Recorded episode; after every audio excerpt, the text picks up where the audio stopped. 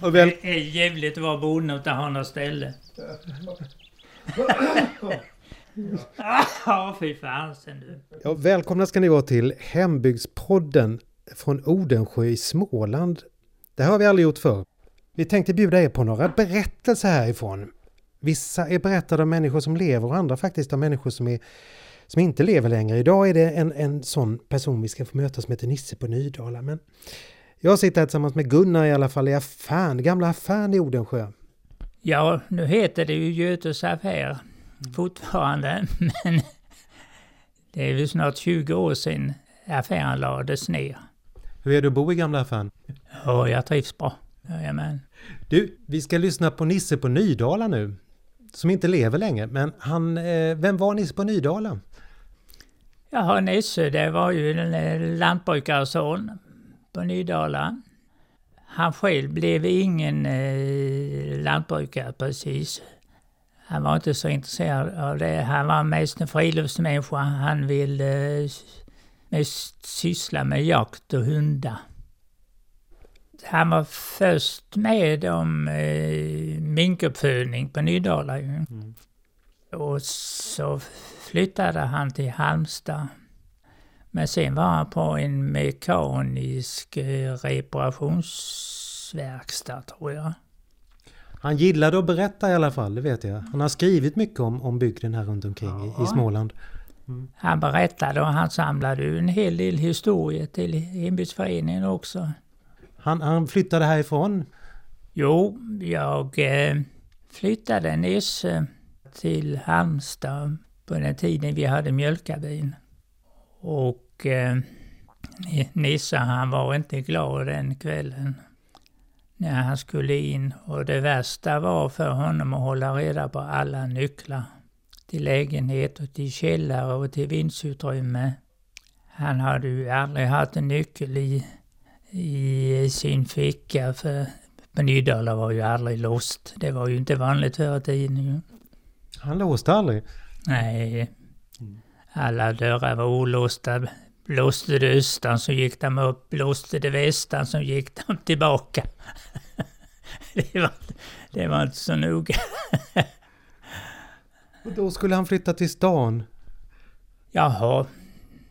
Jag sa ändå innan vi åkte hem, ja du Nisse, det blir inte lätt för dig att sitta och vaka på rev här. Det var ju inte annat än levande människor som strövade omkring där på gatorna.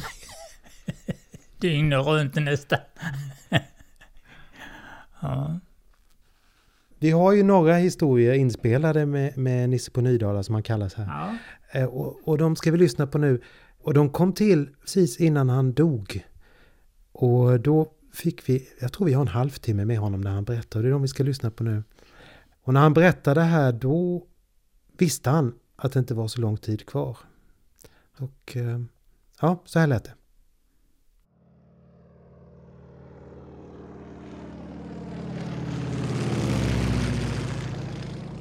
Nisse berättar om flygplansdrömmar med bror Helmer. Vi har ju alltid varit så intresserade av flyget. Men numera är det ju bara kycklingvingar som är närmast till flyget. Men eh, Helmer och jag kom på att, att vi skulle kunna göra ett flygplan själva. Så hemma på Nydala det var en stor lind och det var nio stycken stöp, stöplar som gick ut åt alla håll. Och det var en riktig platta där uppe. Och så började vi, började vi med att dra dit virke. Det stal vi ju kan vi ta hemifrån. Och spik stal vi hemifrån. Och far undrade var spiken tog vägen. Jag visste ju inte om det. Och sen för att göra det billigare och lättare så skulle flygplanet vara utrustat med säckväv istället på vingarna och sånt skulle vara säckväv. Istället för brädet skulle det bli lätt. Och sen då en propeller och allt detta här. Och vi hade bara lite, lite grann igen, sen skulle vi provflyga. Och det gick ju ut på att vi skulle, en skulle sätta sig i planet och en skulle då starta med att skjuta på. Men tyvärr så kom farsan emellan och var ute och skulle titta på grödan och fick se det här i trädet. Vad i helvete är det ni har hittat på? Vadå? Och vi visste ingenting. Och jag fick vidtas med ett. Ni river ner ett ögonblickligen, sa han. Ni får icke vara där uppe mer. Så blev det slut med den flygningen. Då skulle vi vara stora, vi skulle börja röka också då. Helmer gick ju och jobbade lite då så han tjänade pengar. Köpte, han köpte cigaretter. En eftermiddag satt vi ner på dikeskanten och skulle prova det här. Och jag minns Helmer, vi drog några rediga halsblås och sa Helmer min själ är det gott. ja, vi satt där och fick hem. Vi ska, vi ska gå åt det hållet. Nej, det är fel. Vi ska gå åt det hållet. Nej, vi blev ovänner nästan. Vilket håll vi skulle gå på. vi visste inte var vi var komna Starka cigaretter. Ja. Ska du höra en till? Ja, har du en till då? Jo, Alfred på Alla Lund hade en ålrev i taket hemma i, i, i Bryhuset.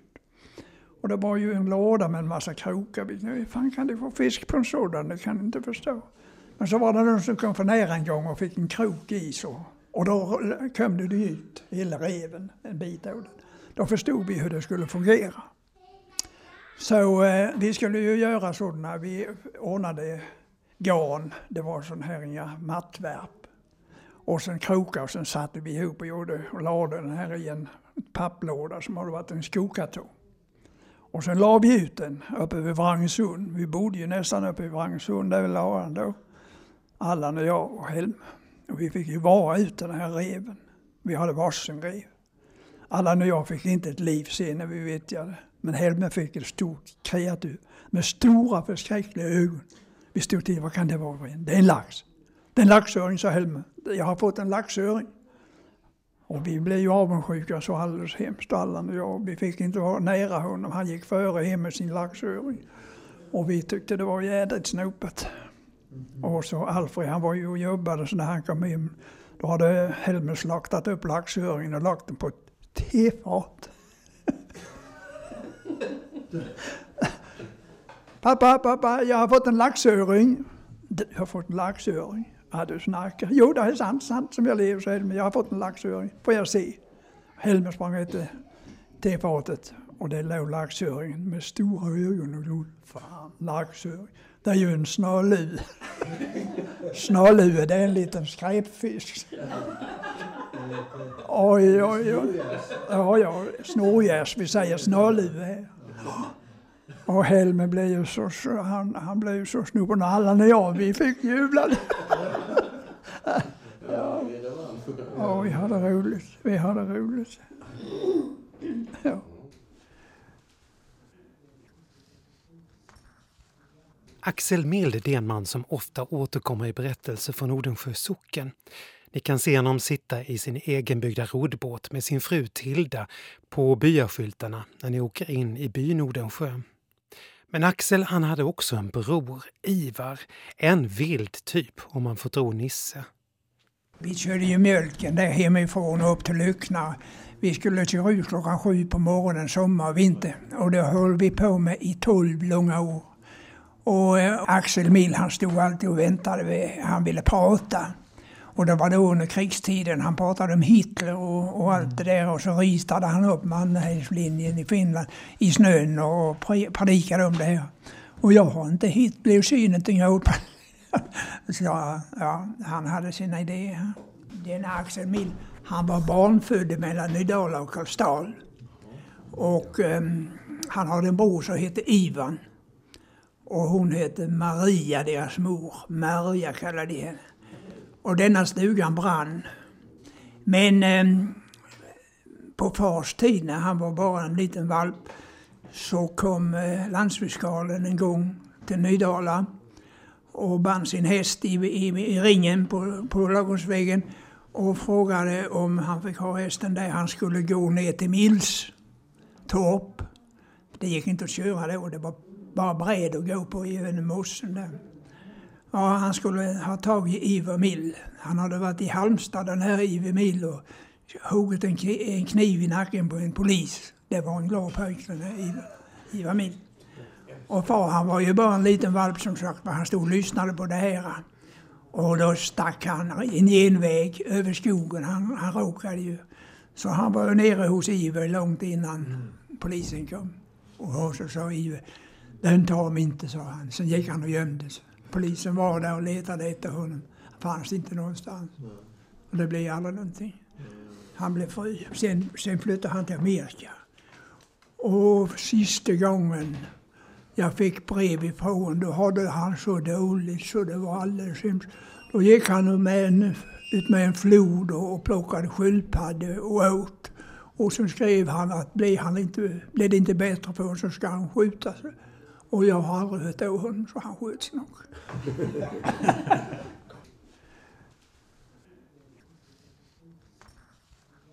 Odensjö hembygdsförening den bildades 1952 och då var Nisse med. Hembygdsparken på Lunnagärdet vid sjön Bolmen kom till samma år. I norra delen av parken så ligger det en liten grå lada med en spännande historia. Det här är berättelsen om hur den flyttades till parken från ön Vrångö utanför Löckna den 14 mars 1956 när isen låg tjock på Bolmen. Ja, förr i tiden så slog man, höstade man på öarna. Och eh, så fick man komma dit på våren och så kallade rishämta efter blåst på hösten. Det var björkris överallt. Och så räfsade man ihop lövgriset och sedan stod det där då till slåttetiden. Och så tog man dit och så slog man gräset och la ut det i en brea på, på ön. Och sen hade man då byggt en lada till att ha höet i när det var torrt. Mm.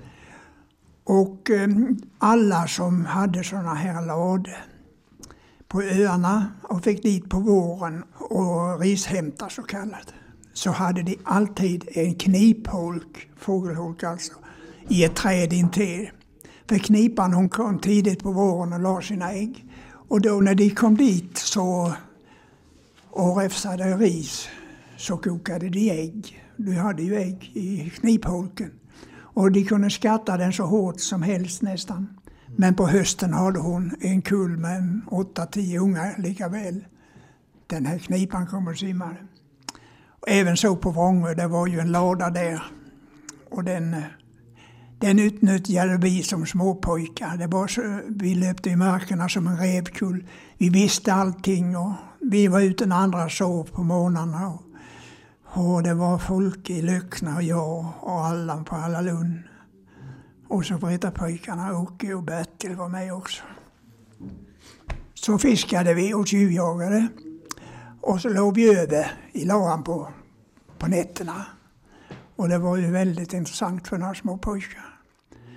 Och sedan med åren så det hände en, en tråkig historia.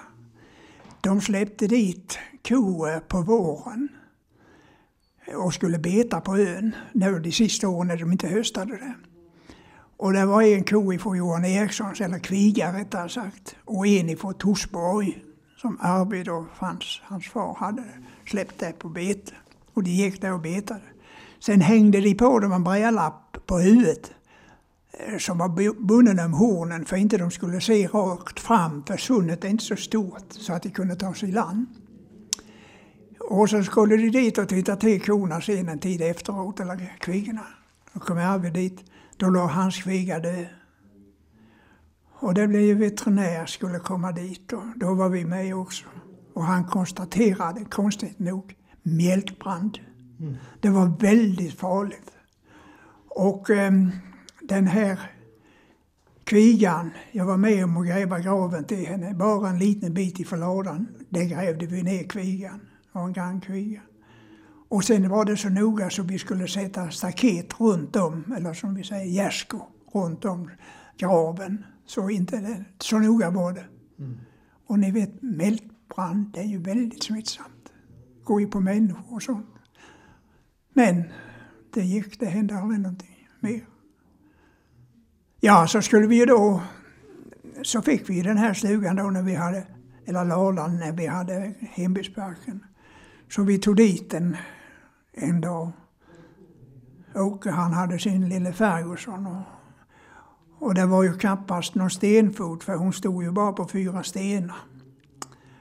Och vi lyfte upp så vi fick ett par slane under och spikade ihop så vi fick en liten släde. Och sen gick det ner till sjön. Det var snö. Och sen gick det ju lätt på isen. Och eh, vi har kort här, jag känner igen de flesta som är med där. Och det gick bra till vi kom ner till hembygdsparken. Sen var det lögn och sen, sen bara slirade det. Och då ville de riva ner henne, ladan och, fly, och, och, och sätta upp bitarna sen på samma ställe. Så sa jag, det var väl elefanten också. Har vi dragit henne ända uppifrån öarna och hit ner så ska vi väl kunna ta den sista biten. Så jag hade en traktor på den tiden, en gammal en. Fordson Major. Och det var en gosse som stod där man ställde den, en tung sak alltså. Sen hade jag ett sånt här jättaspel. Så vi tog det med ner och, och kopplade i jättaspelet i, i, i stugan, eller så, den där släden. Och så backade jag ner till, till stugan. Och sen körde jag så långt jag kunde. Och Gunnar Jönsson han drog med sin lille Ferguson i den här strängen alltså, som drar fram själva stugan. Och så kom ju stugan upp till min traktor. Och, och, och jag körde fram. På så sätt fick vi henne dit hon står idag. Så vi behövde inte plocka ner henne. Men sen har vi täckt med halm senare. Jag tror inte vi täckte henne då. Det var rätt skapligt. Och sen är det ju då bräderna uppifrån ner där övarna för stockarna. Den är inte spikad utan den är borrad och slagit pluggar, träpluggar. Titta på det får ni se. Och där har man sovit gott i öet. Många, många gånger. Det är synd att hon är så liten, hon skulle vara lite större.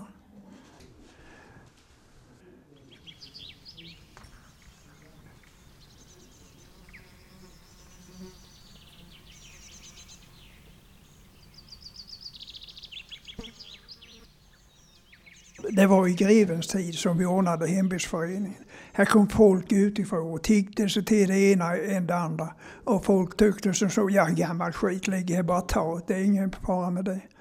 Och här fanns på den tiden en födelsestol. Jag vet inte om ni har sett en sådan. Men eh, vi har en här uppe i hembygdsparken. Men jag tror inte det är den äkta, utan den är nog tillkommen senare. En födelsestol, det var ju en stol som såg ut som en hästsko på tre ben. Och så då den födande, hon satte sig där på den här stolen och så hade hon halm under. Så ungen trillade ner i halmen. Det var ju en praktisk ställning egentligen. Du vet neråt Afrika, där står de och för sina barn. Och det är ju tyngdkraften som drar ju neråt. Men då gick det som det gick med min, min farmor. Det var en arm som var född bara och sen låg hon i tre dagar, sen dog hon. Doktorn cyklade från Unnaryd men det kunde ingenting göra. Ja, det var hemskt. Stackars människa. Ja.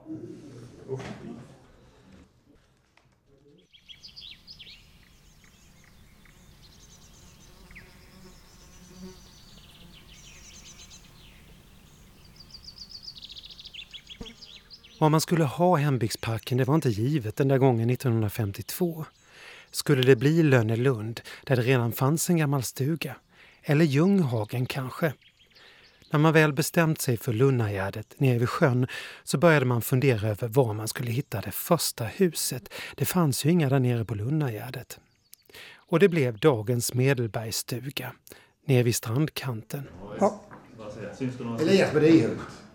Ja, han var född i den här gamla kåken som låg där på, i Dyhult. Men eh, när vi kom dit och tittade på den så fanns det ju inget tak.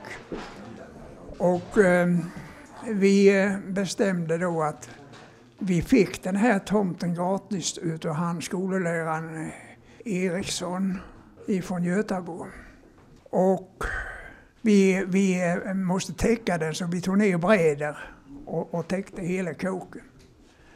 Så visade det sig sen att vi hade ett i Byholma och så var vi och tittade på det och det är denna vi har nu. Så det blev att vi, vi lämnade tillbaka den och den blev riven sen, den som var på Dyhult. Och så flyttade vi denna då ifrån, ifrån Byholma en natt hit.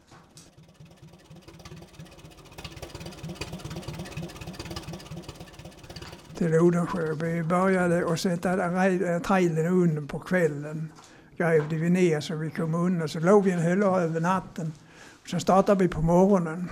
Vi hade en traktor som drog hela kalaset. Och jag körde före med motorcykeln och hade Lill-Gunnar på, på bönepallen. Och vi, eh, vi skulle alltså vara en förpatrull så inte vi mötte några.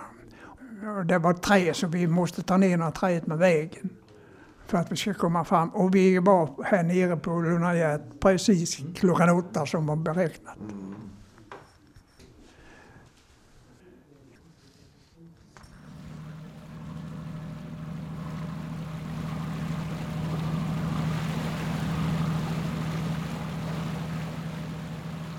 Sommaren 1939 så kom båten Pixboy till Bolmen. En 13,5 meter lång och väldigt tjusig mahognybåt köpt av bolaget Halmstad Bolmens järnvägar. Båten den var byggd i England 1915 men hade också gått i trafik i Mälaren. Samma sommar så placerades också en restaurangvagn på rundspåret vid stationen Pixboy. Och så inledde järnvägen endagars utflykter från Halmstad dit man kunde åka i fina kläder för bad i Bolmen och kaffedrickning eller glassätning i järnvägsvagnen. Ja, Pixborg det, det var en båt som, som gick på sjön Bolmen och det var järnvägen som hade ordnat den. Halmstad-Bolmen och den var förlagd i, i Pixborg, sundet där nere. Och eh, Seander körde den här båten och hans grabbar. Det var en 47-motor med en väldig slaglind, eller slaghöjd på den. Och den var passagerare, det var nog en 30-40 stycken man kunde ta. Och eh, meningen var ju att folk skulle åka till Bolmen och så skulle de då eh, ta en tur på sjön Bolmen med Pixborg. Och så körde Sjande eh, den här båten. Allan, hans grabb, tog över sen. Och det hände en gång, de var ute båda två och de hade lite med sig på flaskan ibland de där pojkarna. Och när de skulle landa på bryggan i Bolmstad så, så stod Allan den ena sidan rodret och drog och, och Sander den andra. Nej pappa, sa Nej pappa, vi ska, vi ska dra med på detta hålet. Pang, sa körde på bryggan. Alla passagerarna blev en enda hög. Men det var ingen som skadades. Nej. Sen eh, med åren så såldes den här båten till en som heter Erik i Tira, Tiraholm. Erik Johansson, jag tror han lever än. Och eh, han råkade inte på sjön. Så jag fick vara med honom de första turerna han körde. Och vi var inne i Vretaviken och det är rätt besvärligt. Vi landade vid Hammars brygga som vi sa, Nygrens brygga där och sen gick vi igenom eh, Ingelsund och, och det är också krångligt och neråt sjön. Men vi brukade övernatta i den när vi var ute och fiskade. Då låg han förtöjd vid Geranäs. Och skogvaktaren Nilsgren och jag vi fiskade med rev på den tiden och då la vi ut. La vi ut på kvällen och sen så låg vi i båten över natten. Så vi gjorde.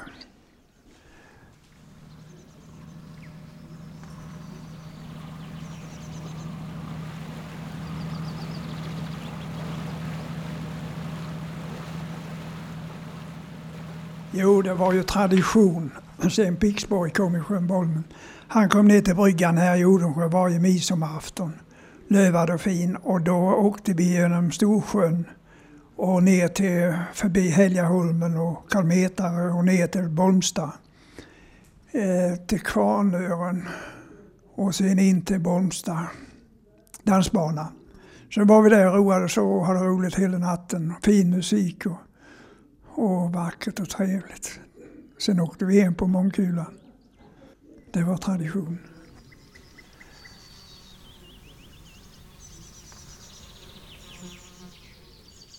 Den 27 juli 1952 så hölls den första hembygdsfesten i Odensjö hembygdspark.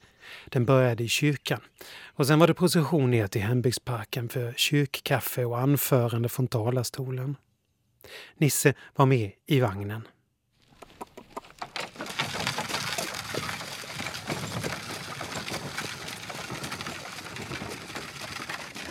Ja, det var så att vi skulle ju, det var gudstjänst i kyrkan. Och när den var slut så skulle vi möta upp. Och det gjorde vi med, med skrinda och Lill-Gunnar körde med häst och skrinda som sagt. Och på skrindan där satt vi spelmän. Oskar Karlsson spelade fiol. Jag spelade fiol. Gumbo eh, Gulli spelade, slog trumma. Ingvar Hult spelade dragspel. Och eh, Maj-Britt de spelade dragspel. Och vi hade, vi hade hyrt kläder, sådana där gamla kläder. Och jag hade fått ett par byxor som var så herrans små så jag önskade inget annat än att vi skulle sluta när som helst. Så jag kunde byta.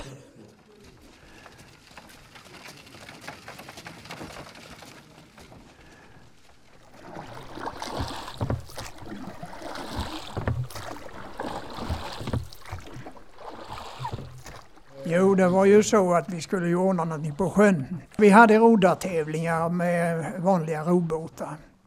Och sen skulle vi ju öka ett annat år och då hade vi den här racerklubben.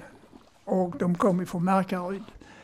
Och det var svenska eliten. Det var bland annat Marcus Claesson som jag kommer ihåg. Och de hade byggt sina motorer själva och de var så väldigt noga med det. Så när de inte körde så fort de kom i land så, så hade de ett kapell och höll över motorn. Den skulle inte synas. Och det var väldigt trevligt. De, de hade en väldig fart. Det var ju bara propellen och axeln som var i vatten. Allt andra var ju ovanpå. Och det gick ju bra. Sen, jag minns inte om det var den gången, men ett år hade vi eh, drakflygning. Och då var det, de startade på vattenskidor och så höll de en drake och så drog de en motorbåt.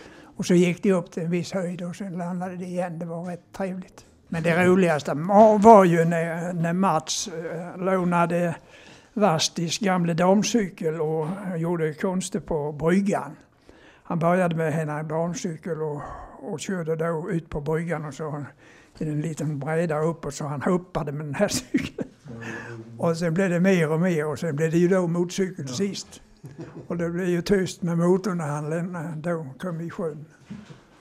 Sen hade vi en gång, eh, då var det dykare. Eh, vi skulle, de skulle hitta någonting och man fick gissa på vad det var.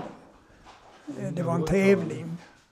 Och då när dykarna hade gått ner och hittat, så, och det var en, en bjällra på en, en stång, så rände de upp stången och, och ringde med bjällan ovanför vattenytan. Och den som hade gissat det då, han fick ju första priset. Sen hade vi ålreva, vi la ut ålreva också. En fem, sex stycken med, med, med mask. Och, och sen fick de betala för att vittja dem. Och så fick de fisken. Det var rätt populärt.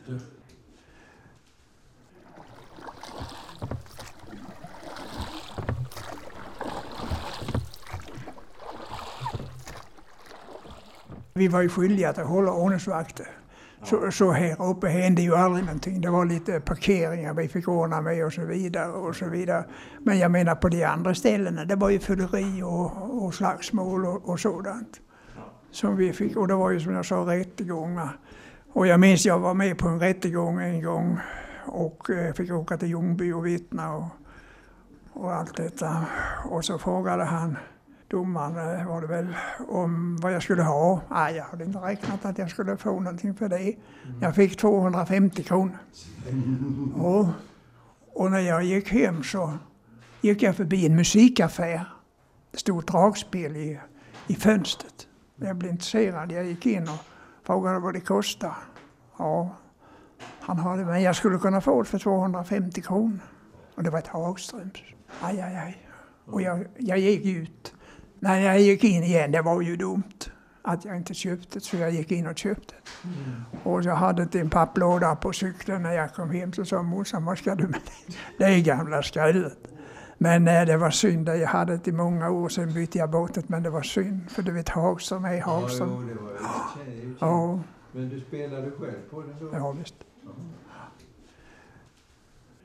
Och en rolig historia var det att Elmer och hans bröder, de hade köpt dansbanan ute i Vrå och skulle, skulle ha fester där. Och Elmer han var rätt glad över flaskan på den tiden. Och, och så skulle Olle och jag gå vakt där så sa Elmer Hörni pojkar, är det nu så att de blir fulla de jävlarna så bara släng ut dem. Typiskt Elmer. Vem tror ni vi fick ta först? vi fick låsa in den i en garderob uppe på. Ja, det är typiskt. Det var det det. När Nisse berättade de här historierna våren 2007 så visste han att tiden var begränsad. Han hade skrivit mycket den där sista vintern hemma för sig själv och han ville lämna papperna vidare. Berättelserna kom till när byn var samlad för att berätta om sina minnen från hembygdsfesterna i Odensjö inför en utställning vi höll 2007 om just festminnen. Men Nisse han hade skrivit om mycket den där vintern. Jag har tänkt en hel del här. Jag har till hembygdsföreningen, jag har till personer som jag, jag har suttit till i vintern och skrivit en del gamla minnen. Ja.